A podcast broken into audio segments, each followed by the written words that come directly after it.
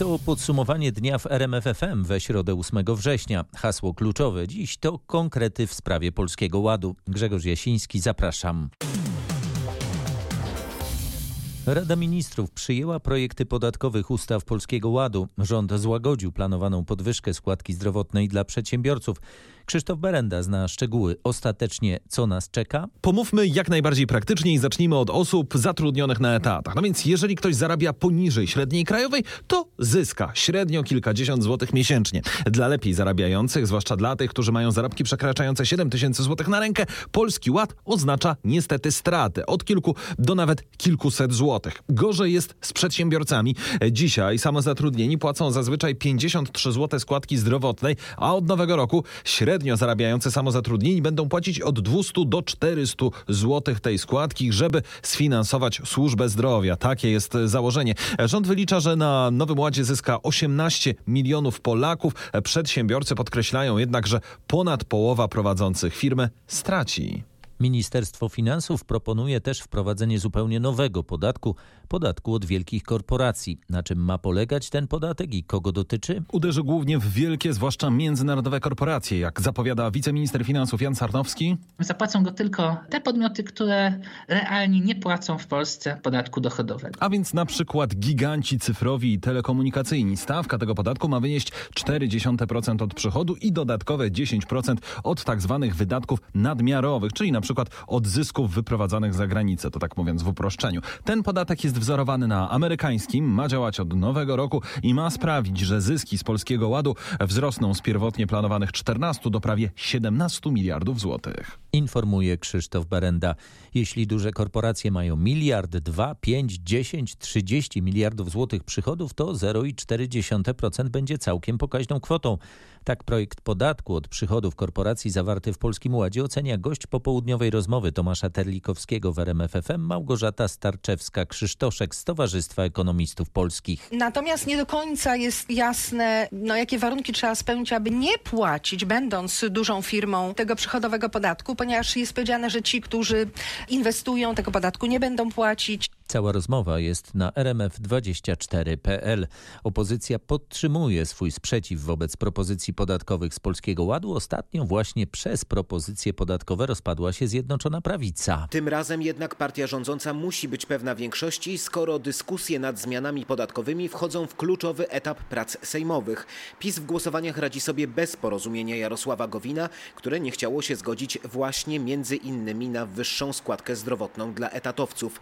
Głosować przeciw będzie także reszta ugrupowań opozycyjnych, bo w rządowych propozycjach zmieniło się niewiele, przekonuje rzecznik ludowców Miłosz Motyka. To, co zaproponował pan premier Morawiecki, to jest podwyżka podatków. Brak możliwości odliczenia składki zdrowotnej od dochodu jest podwyżką podatków. Posłowie zmianami podatkowymi zajmą się jeszcze we wrześniu. Informuje nasz reporter Roch Kowalski. Niepotrzebne komplikacje systemu podatkowego, efekt odwrotny od zamierzonego.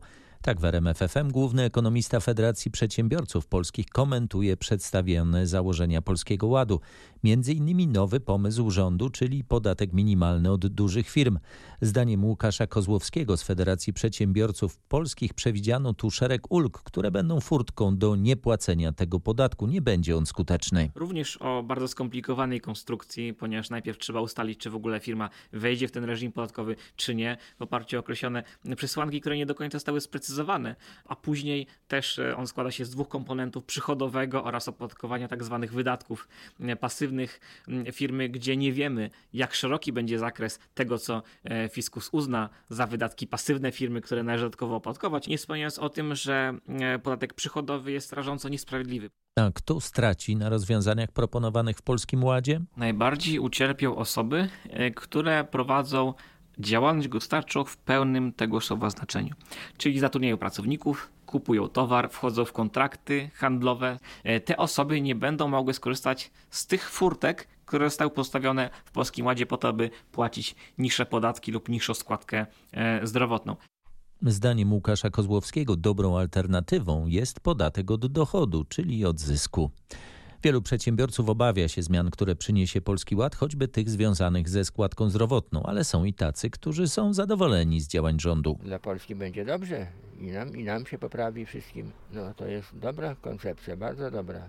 Ludziom pomagają, zapomogi dają jesteśmy na plusie, a nie na minusie, także to... Oby tak dalej. Tak, A jak tak. pan będzie musiał zapłacić na przykład więcej podatku ze względu na składkę zdrowotną? No nie wiem jak to będzie, nie zastanawiałem się jeszcze nad tym, ale jak będzie trzeba, to będzie trzeba zapłacić. No nie ma rady na to. No.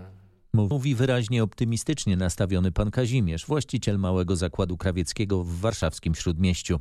Rząd przyjął też projekt ustawy ułatwiającej zdobycie własnego mieszkania. To element Polskiego Ładu. Projekt zawiera przede wszystkim program oferowania rządowych gwarancji do kredytów hipotecznych. Będzie mogła na to liczyć 80 tysięcy rodzin, w których rodzice mają od 20 do 40 lat.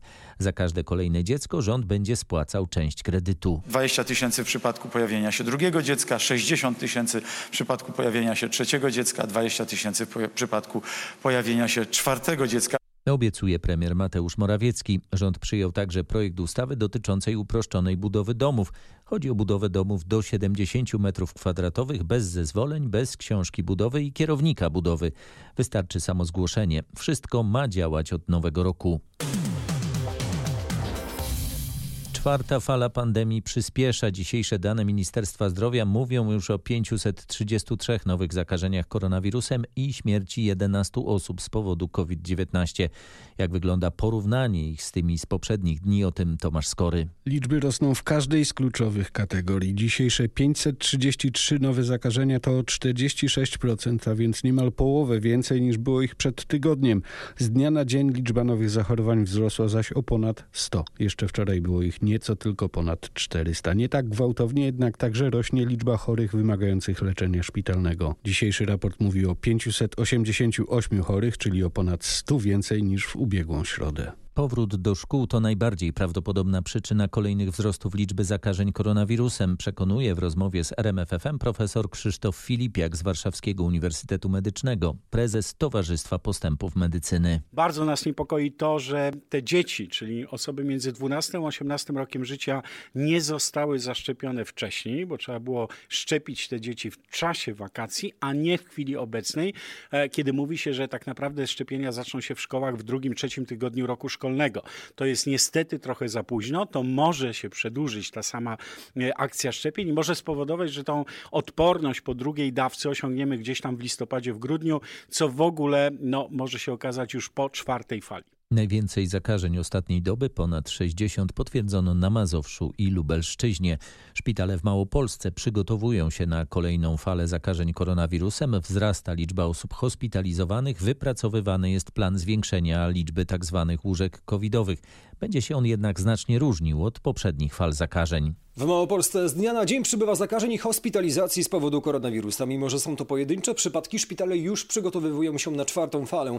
Teraz nacisk ma zostać położony na hospitalizowanie dzieci oraz na takie przekształcanie oddziałów, by nie zachwiać systemem łóżek niekowidowych, mówi Joanna Paździo z Małopolskiego Urzędu Wojewódzkiego. Mocniejszy akcent stawiamy na hospitalizację dzieci w związku z tym, że szczepienia w głównej mierze dotyczą osób dorosłych. Tutaj właśnie jest ta kwestia, której poświęcamy wiele uwagi, a z drugiej strony właśnie chcemy w jak najszerszym stopniu zabezpieczyć tę opiekę niekowidową. W Małopolsce zaszczepionych jest 43% mieszkańców, najmniej wciąż w gminach podhalańskich. W samym Krakowie cały czas działa szpital tymczasowy przy ulicy Kopernika. Tam hospitalizowanych jest 33 pacjentów. Informuje Marek Wiosło. Rok szkolny dopiero się zaczął, a na Dolnym Śląsku mamy już pierwsze przypadki koronawirusa w szkołach i przedszkolu. Od początku września odnotowano pięć zakażeń, dwa z nich we wrocławskich podstawówkach, po jednym w szkole w Lubinie oraz wsi Imbramowice. COVID-19 stwierdzono też w jednym z niepublicznych przedszkoli we Wrocławiu. W każdym przypadku chodzi o dzieci i pojedyncze zachorowania. Placówki musiały podjąć decyzję o zawieszeniu zajęć. Klasy, do których chodzili zakażeni uczniowie i grupa przedszkolna trafiły na kwarantannę. W sumie to ponad 100 osób. Podsumowywał nasz reporter Paweł Pyclik. W trzech szkołach w Śląskiem, w Myszkowie, Bytomiu i Jankowicach w powiecie pszczyńskim pojedyncze klasy uczą się zdalnie. Wykryto tam przypadki zakażeń koronawirusem. Dwie to są szkoły podstawowe, a jedna szkoła to jest już szkoła średnia technikum. W każdym z tych trzech przypadków dyrektorzy zostali poinformowani przez rodziców o pozytywnym wyniku testu u ucznia, u dziecka. Jak długo w tych przypadkach potrwa nauka zdalna? To są zawieszenia kilkudniowe. Jeśli chodzi o nauczycieli, to nauczyciele pracują wszyscy w tych szkołach stacjonarnie i z miejsca pracy prowadzą naukę zdalną. Z Anną Kij, rzeczniczką Śląskiego Kuratorium Oświaty w Katowicach rozmawiała Anna Kropaczek. Przed sobotnim protestem służby zdrowia minister Adam Niedzielski wyciąga kolejne miliardy. Wczoraj zapowiedział dodatkowe pieniądze dla ratowników medycznych, dziś obiecał miliard dwieście milionów na wzrost wyceny świadczeń medycznych.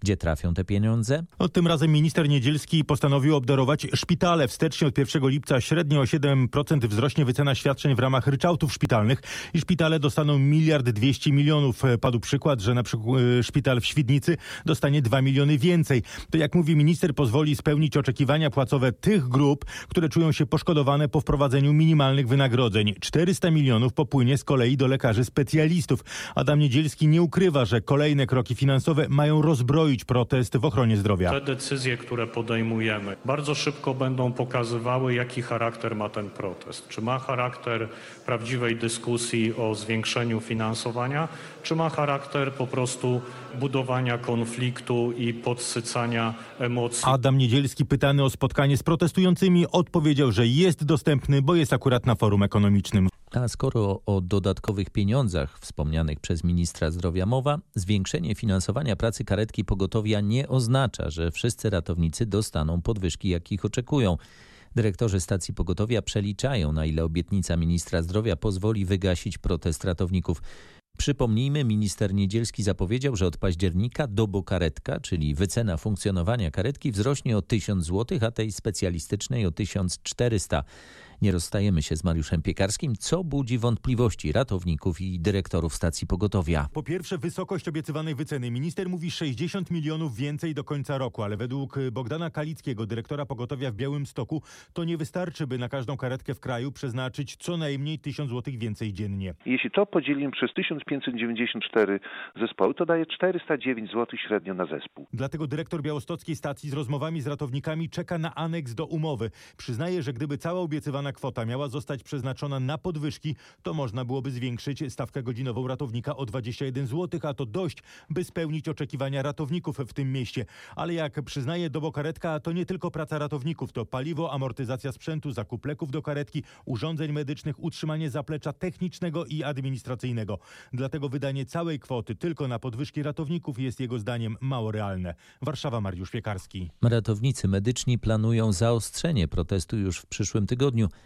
a już prawie półtora tysiąca z nich w skali całego kraju złożyło wypowiedzenia. Nie uspokoiły ich też słowa ministra zdrowia o planowanych podwyżkach. Ratownicy twierdzą, że nie usłyszeli żadnych gwarancji podwyżek, a słowa ministra Niedzielskiego odebrali z rozczarowaniem. Rozmowy z ministerstwem szły w dobrym kierunku. Mimo tego ministerstwo postanowiło pozostać przy swoim. Mówi Jacek Cygan, wiceprzewodniczący Międzyzakładowego Związku Ratowników Medycznych przy krakowskim pogotowiu ratunkowym. Jesteśmy rozczarowani. Czekaliśmy od ministra konkretów, czyli y, takich konkretnych uregulowań prawnych. Na razie dostajemy to, co zawsze, czyli jakieś puste obietnice. Stawki, które zostały zaproponowane na dobokaretkę są według nas bez jakiegoś tam pokrycia, przeliczając kwoty, no są one naprawdę żenująco niskie. Związki zawodowe planują zaostrzenie protestu już w przyszłym tygodniu. Jak informują w skali całego kraju, wypowiedzenia złożyło już prawie półtora tysiąca ratowników medycznych. Relacjonował Marek Wiosło. Ratownicy przypominają, że obok podwyżki walczą też o poprawę samych warunków pracy wskazują, że nie ma regulacji, które zmuszą pracodawców do przyznania podwyżek. Wycena nowej dobokaretki niewiele wnosi ze względu na to, że nie ma żadnych dokumentów sprawczych, która będzie zobowiązywała pracodawców do tego, aby podwyższyć e, ratownikom etatowym, jak i kontraktowym pensje. Przypominał Michał Saniewski, ratownik medyczny z Białego Stoku. 41-letnia kobieta zginęła w wybuchu w zakładach zbrojeniowych Mesko. To już kolejny w tym roku śmiertelny wypadek w fabryce w Skarżysku Kamiennej. Do obu eksplozji doszło w tym samym budynku na Wydziale Produkcji Spłonek i Materiałów Wybuchowych. Poranny wybuch nastąpił, gdy 41-latka po wysuszeniu materiałów wybuchowych zapakowała je i niosła do transportu. Pakunek eksplodował na korytarzu. Poprzednia tragedia zdarzyła się w kwietniu podczas polerowania spłonek. Ranna pracownica zakładów zmarła w szpitalu. Po tym wypadku kontrolę przeprowadziła Państwowa Inspekcja Pracy, która zaleciła naprawę wykrytych nieprawidłowości. Dziś na miejscu poza prokuratorem i policjantami też pracował inspektor pracy. Badał przyczyny tego zdarzenia, ale także sprawdzał, czy szefostwo Meska zrealizowało polecenia pokontrolne z kwietnia. Relacjonował Krzysztof Zasada, z którym się nie rozstajemy. Dowiedział się bowiem także, że wszyscy Irakijczycy, którzy przebywają w zamkniętym ośrodku dla cudzoziemców na poligonie w Wędrzynie w Lubuskiem, chcą wracać do swojego kraju. To 84 osoby. Imigranci zostali zatrzymani w ostatnich tygodniach koło granicy z Białorusią. Co będzie się teraz z nimi działo? Niebawem Straż Graniczna zorganizuje im wylot specjalnym samolotem do Iraku. Obywatele tego kraju zatrzymani po nielegalnym przekroczeniu granicy nie wystąpili o ochronę międzynarodową, dlatego zostaną zawróceni. Z informacji, do których dotarłem, wynika, że do końca miesiąca nasze służby przewidziały dwa czartery dla imigrantów. Jeden do Tadżykistanu, drugi właśnie do Iraku. A kto zapłaci za ten transport? Zgodnie z z reguły koszty lotu pokrywa unijna agencja Frontex. Zdarza się, że bilety są kupowane też z innych e, unijnych funduszy. Wtedy poziom finansowania z takiego funduszu e, wynosi 75%. W Straży Granicznej jest specjalna komórka, która zajmuje się właśnie planowaniem i organizowaniem powrotów cudzoziemców. Loty odbywają się połączeniami rejsowymi, ale m, także specjalnie wynajmowanymi samolotami czarterowymi. Relacjonował Krzysztof Zasada. Pewne zwycięstwo biało-czerwonych w ostatnim meczu fazy grupowej Mistrzostw Europy w siatkówce.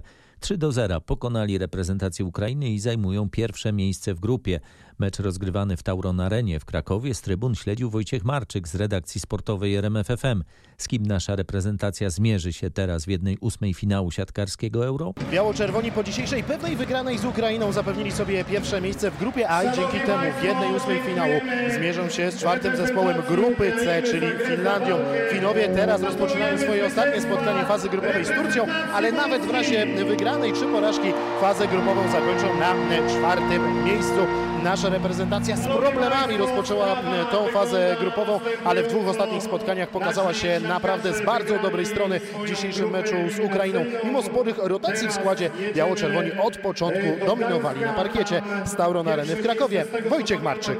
A wieczorem kibicujemy dziś polskim piłkarzom. W eliminacjach do Mistrzostw Świata reprezentacja mierzy się na Stadionie Narodowym z Anglią.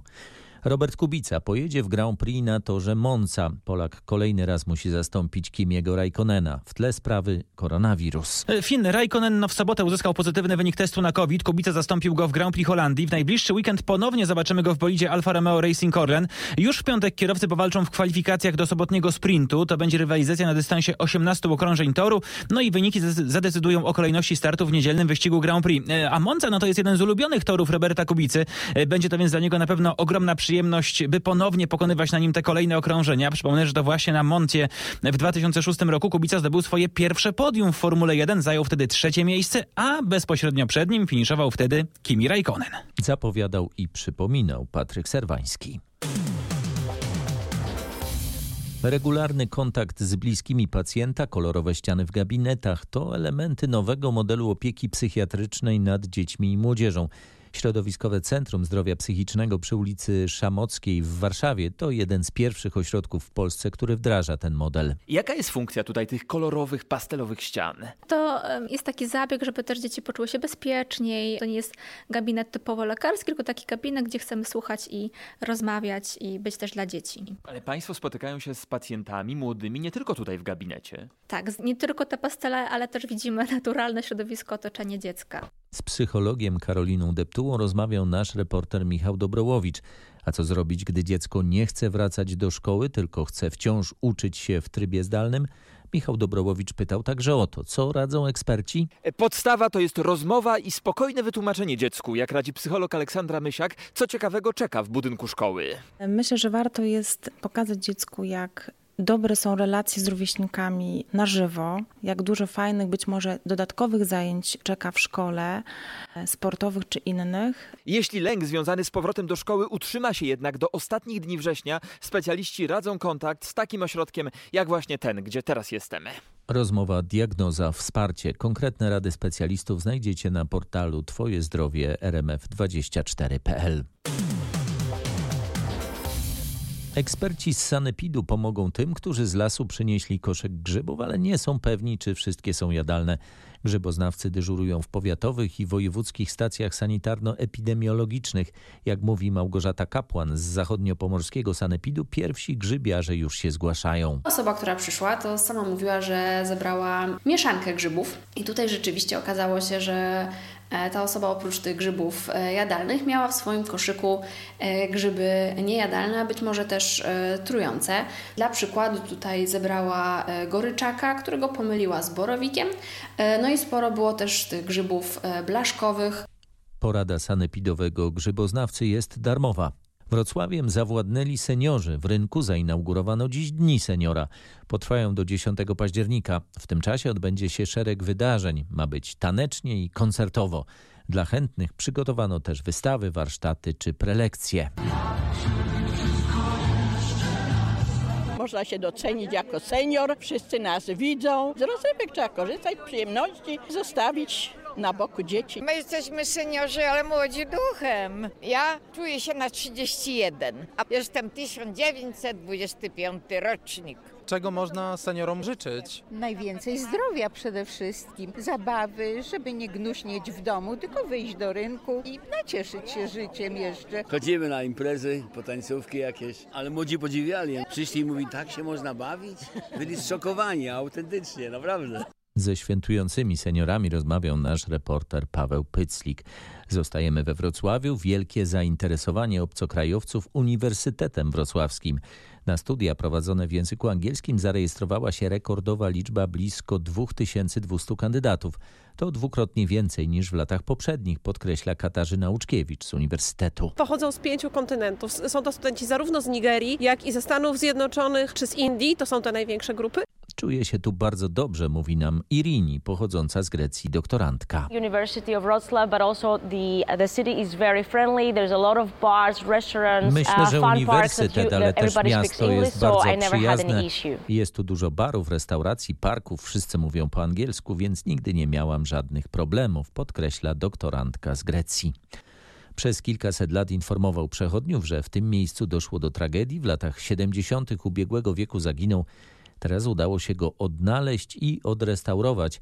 Niedaleko koło brzegu udało się archeologom natrafić na kamień pokutny z początków XVII wieku, relacjonuje Aleksander Ostasz z Muzeum Oręża Polskiego w Kołobrzegu. Opowieść o tym kamieniu wśród miejscowej społeczności krążyła. Była mowa o tym, że ten kamień stał w miejscu, gdzie pobili się dwaj rycerze i jeden drugiego zamordował. Druga wersja była taka, że stał w miejscu, gdzie się y, pobili dwaj bracia i jeden drugiego zamordował. Czyli jakby była legenda, ale nie była konkretna.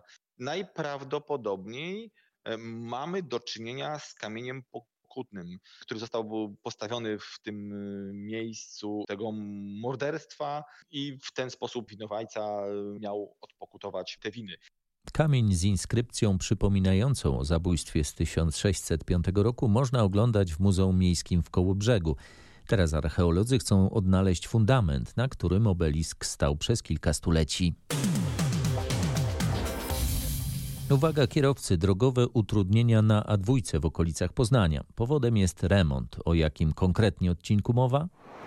Chodzi o autostradową obwodnicę Poznania, dokładnie jej fragment między węzłami Luboń i Krzesiny. Drogowcy będą na nim wymieniać nawierzchnię i jak informują, konieczne będzie zamknięcie pasa wolnego i awaryjnego. Do dyspozycji kierowców pozostaną więc dwa pasy ruchu. Dziś prace trwają na jezdni południowej, czyli na nitce w kierunku Warszawy. Jutro przeniosą się na jezdnię w kierunku Świecka. Informował nasz reporter Mateusz Chłystun. Dziś ruszył też remont na obwodnicy północnej Opola. To oznacza spore utrudnienia. Gdzie zobaczymy drogowców? Na fragmencie między wiaduktem kolejowym w dzielnicy Wrublin a stacją benzynową w Krzanowicach. Przejechać mogą tamtędy tylko jadący w stronę Wrocławia. Ci, którzy jadą w kierunku Strzelec Opolskich muszą korzystać z jednego z dwóch objazdów. Ten główny wiedzie przez węzeł Sobieskiego, ulicę Budowlanych, Kępską i Luboszycką. Co ważne, na tej trasie zmienia się pierwszeństwo. Mają go jadący objazdem. Remont wspomnianego odcinka obwodnicy ma potrwać do grudnia. Zapowiada Paweł Pyclik. Pojutrze rusza nowy sezon teatralny spektaklowe w Małej Warszawie. Na początek przedstawienie Dobrze się kłamie z Magdaleną Lamparską w obsadzie. Wyobraźcie sobie, że zapraszacie przyjaciół do siebie na kolację i zaczynacie grać w grę, że wszyscy na stół wyciągają telefony i czytają swoje SMSy i rozmawiają na głośno mówiący. Co się okazuje, te małe urządzenie bardzo dużo o nas wie, a każdy z nas ma w nich swoje tajemnice. Znacie to prawdopodobnie z włoskiego filmu Dobrze się kłamie w miłym towarzystwie, a może i z jego polskiej wersji. To wielkie widowisko zrobi wrażenie na najmłodszych i trochę starszych. W sobotę w Krakowie na zakolu Wisły u stóp Wawelu odbędzie się 20. Wielka Parada Smoków. Nie zabraknie wielkich, latających i pływających stworów oraz wspaniałej oprawy. Światła, lasery, dymy, które są nieodłączną częścią, żeby te wszystkie efekty mogły y, zaistnieć. No i, no i efekty ogniowe, bo te też takie będą, specjalnie przygotowane i zamówione są na tę okoliczność wyrzutnie ogniowe, bardzo potężne. Myślę, że będzie to niezwykle spektakularne. Zapewniał i zachęcał dyrektor Teatru Groteska Adolf Welczek. To najczęściej tłumaczony polski pisarz. Pół wieku temu przewidział wiele aspektów naszego dzisiejszego życia. Mowa o Stanisławie Lemie, którego setna rocznica urodzin przypada już w poniedziałek. W Krakowie, z którym był związany przez większość swojego życia, rocznica jego urodzin celebrowana będzie z rozmachem. Już 10 września startuje festiwal Bomba Megabitowa. To nie będzie tylko festiwal literacki, zapowiada Szymon Kloska, kurator programu LEM 2021. Festiwal Bomba Megabitowa, czyli pięciodniowa celebracja twórczości Stanisława Lema, ale dużo więcej. Tak naprawdę celebracja idei w tej twórczości zawartych. Program festiwalu e, składa się z trzech, z trzech podstawowych ścieżek, a więc kultura, nauka, technologia. Zebraliśmy ludzi z bardzo różnych bajek, od artystów przez naukowców. Będą wydarzenia artystyczne takie jak koncerty, cała masa interdyscyplinarnych paneli, na których rozmawiać będziemy o tej wieloaspektowości naszej najbliższej e, przyszłości. Festiwal potrwa do 14 września. Tyle na dziś. Kolejne podsumowanie dnia w RMFFM już jutro wieczorem. Grzegorz Jasiński, dziękuję. Dobrej nocy.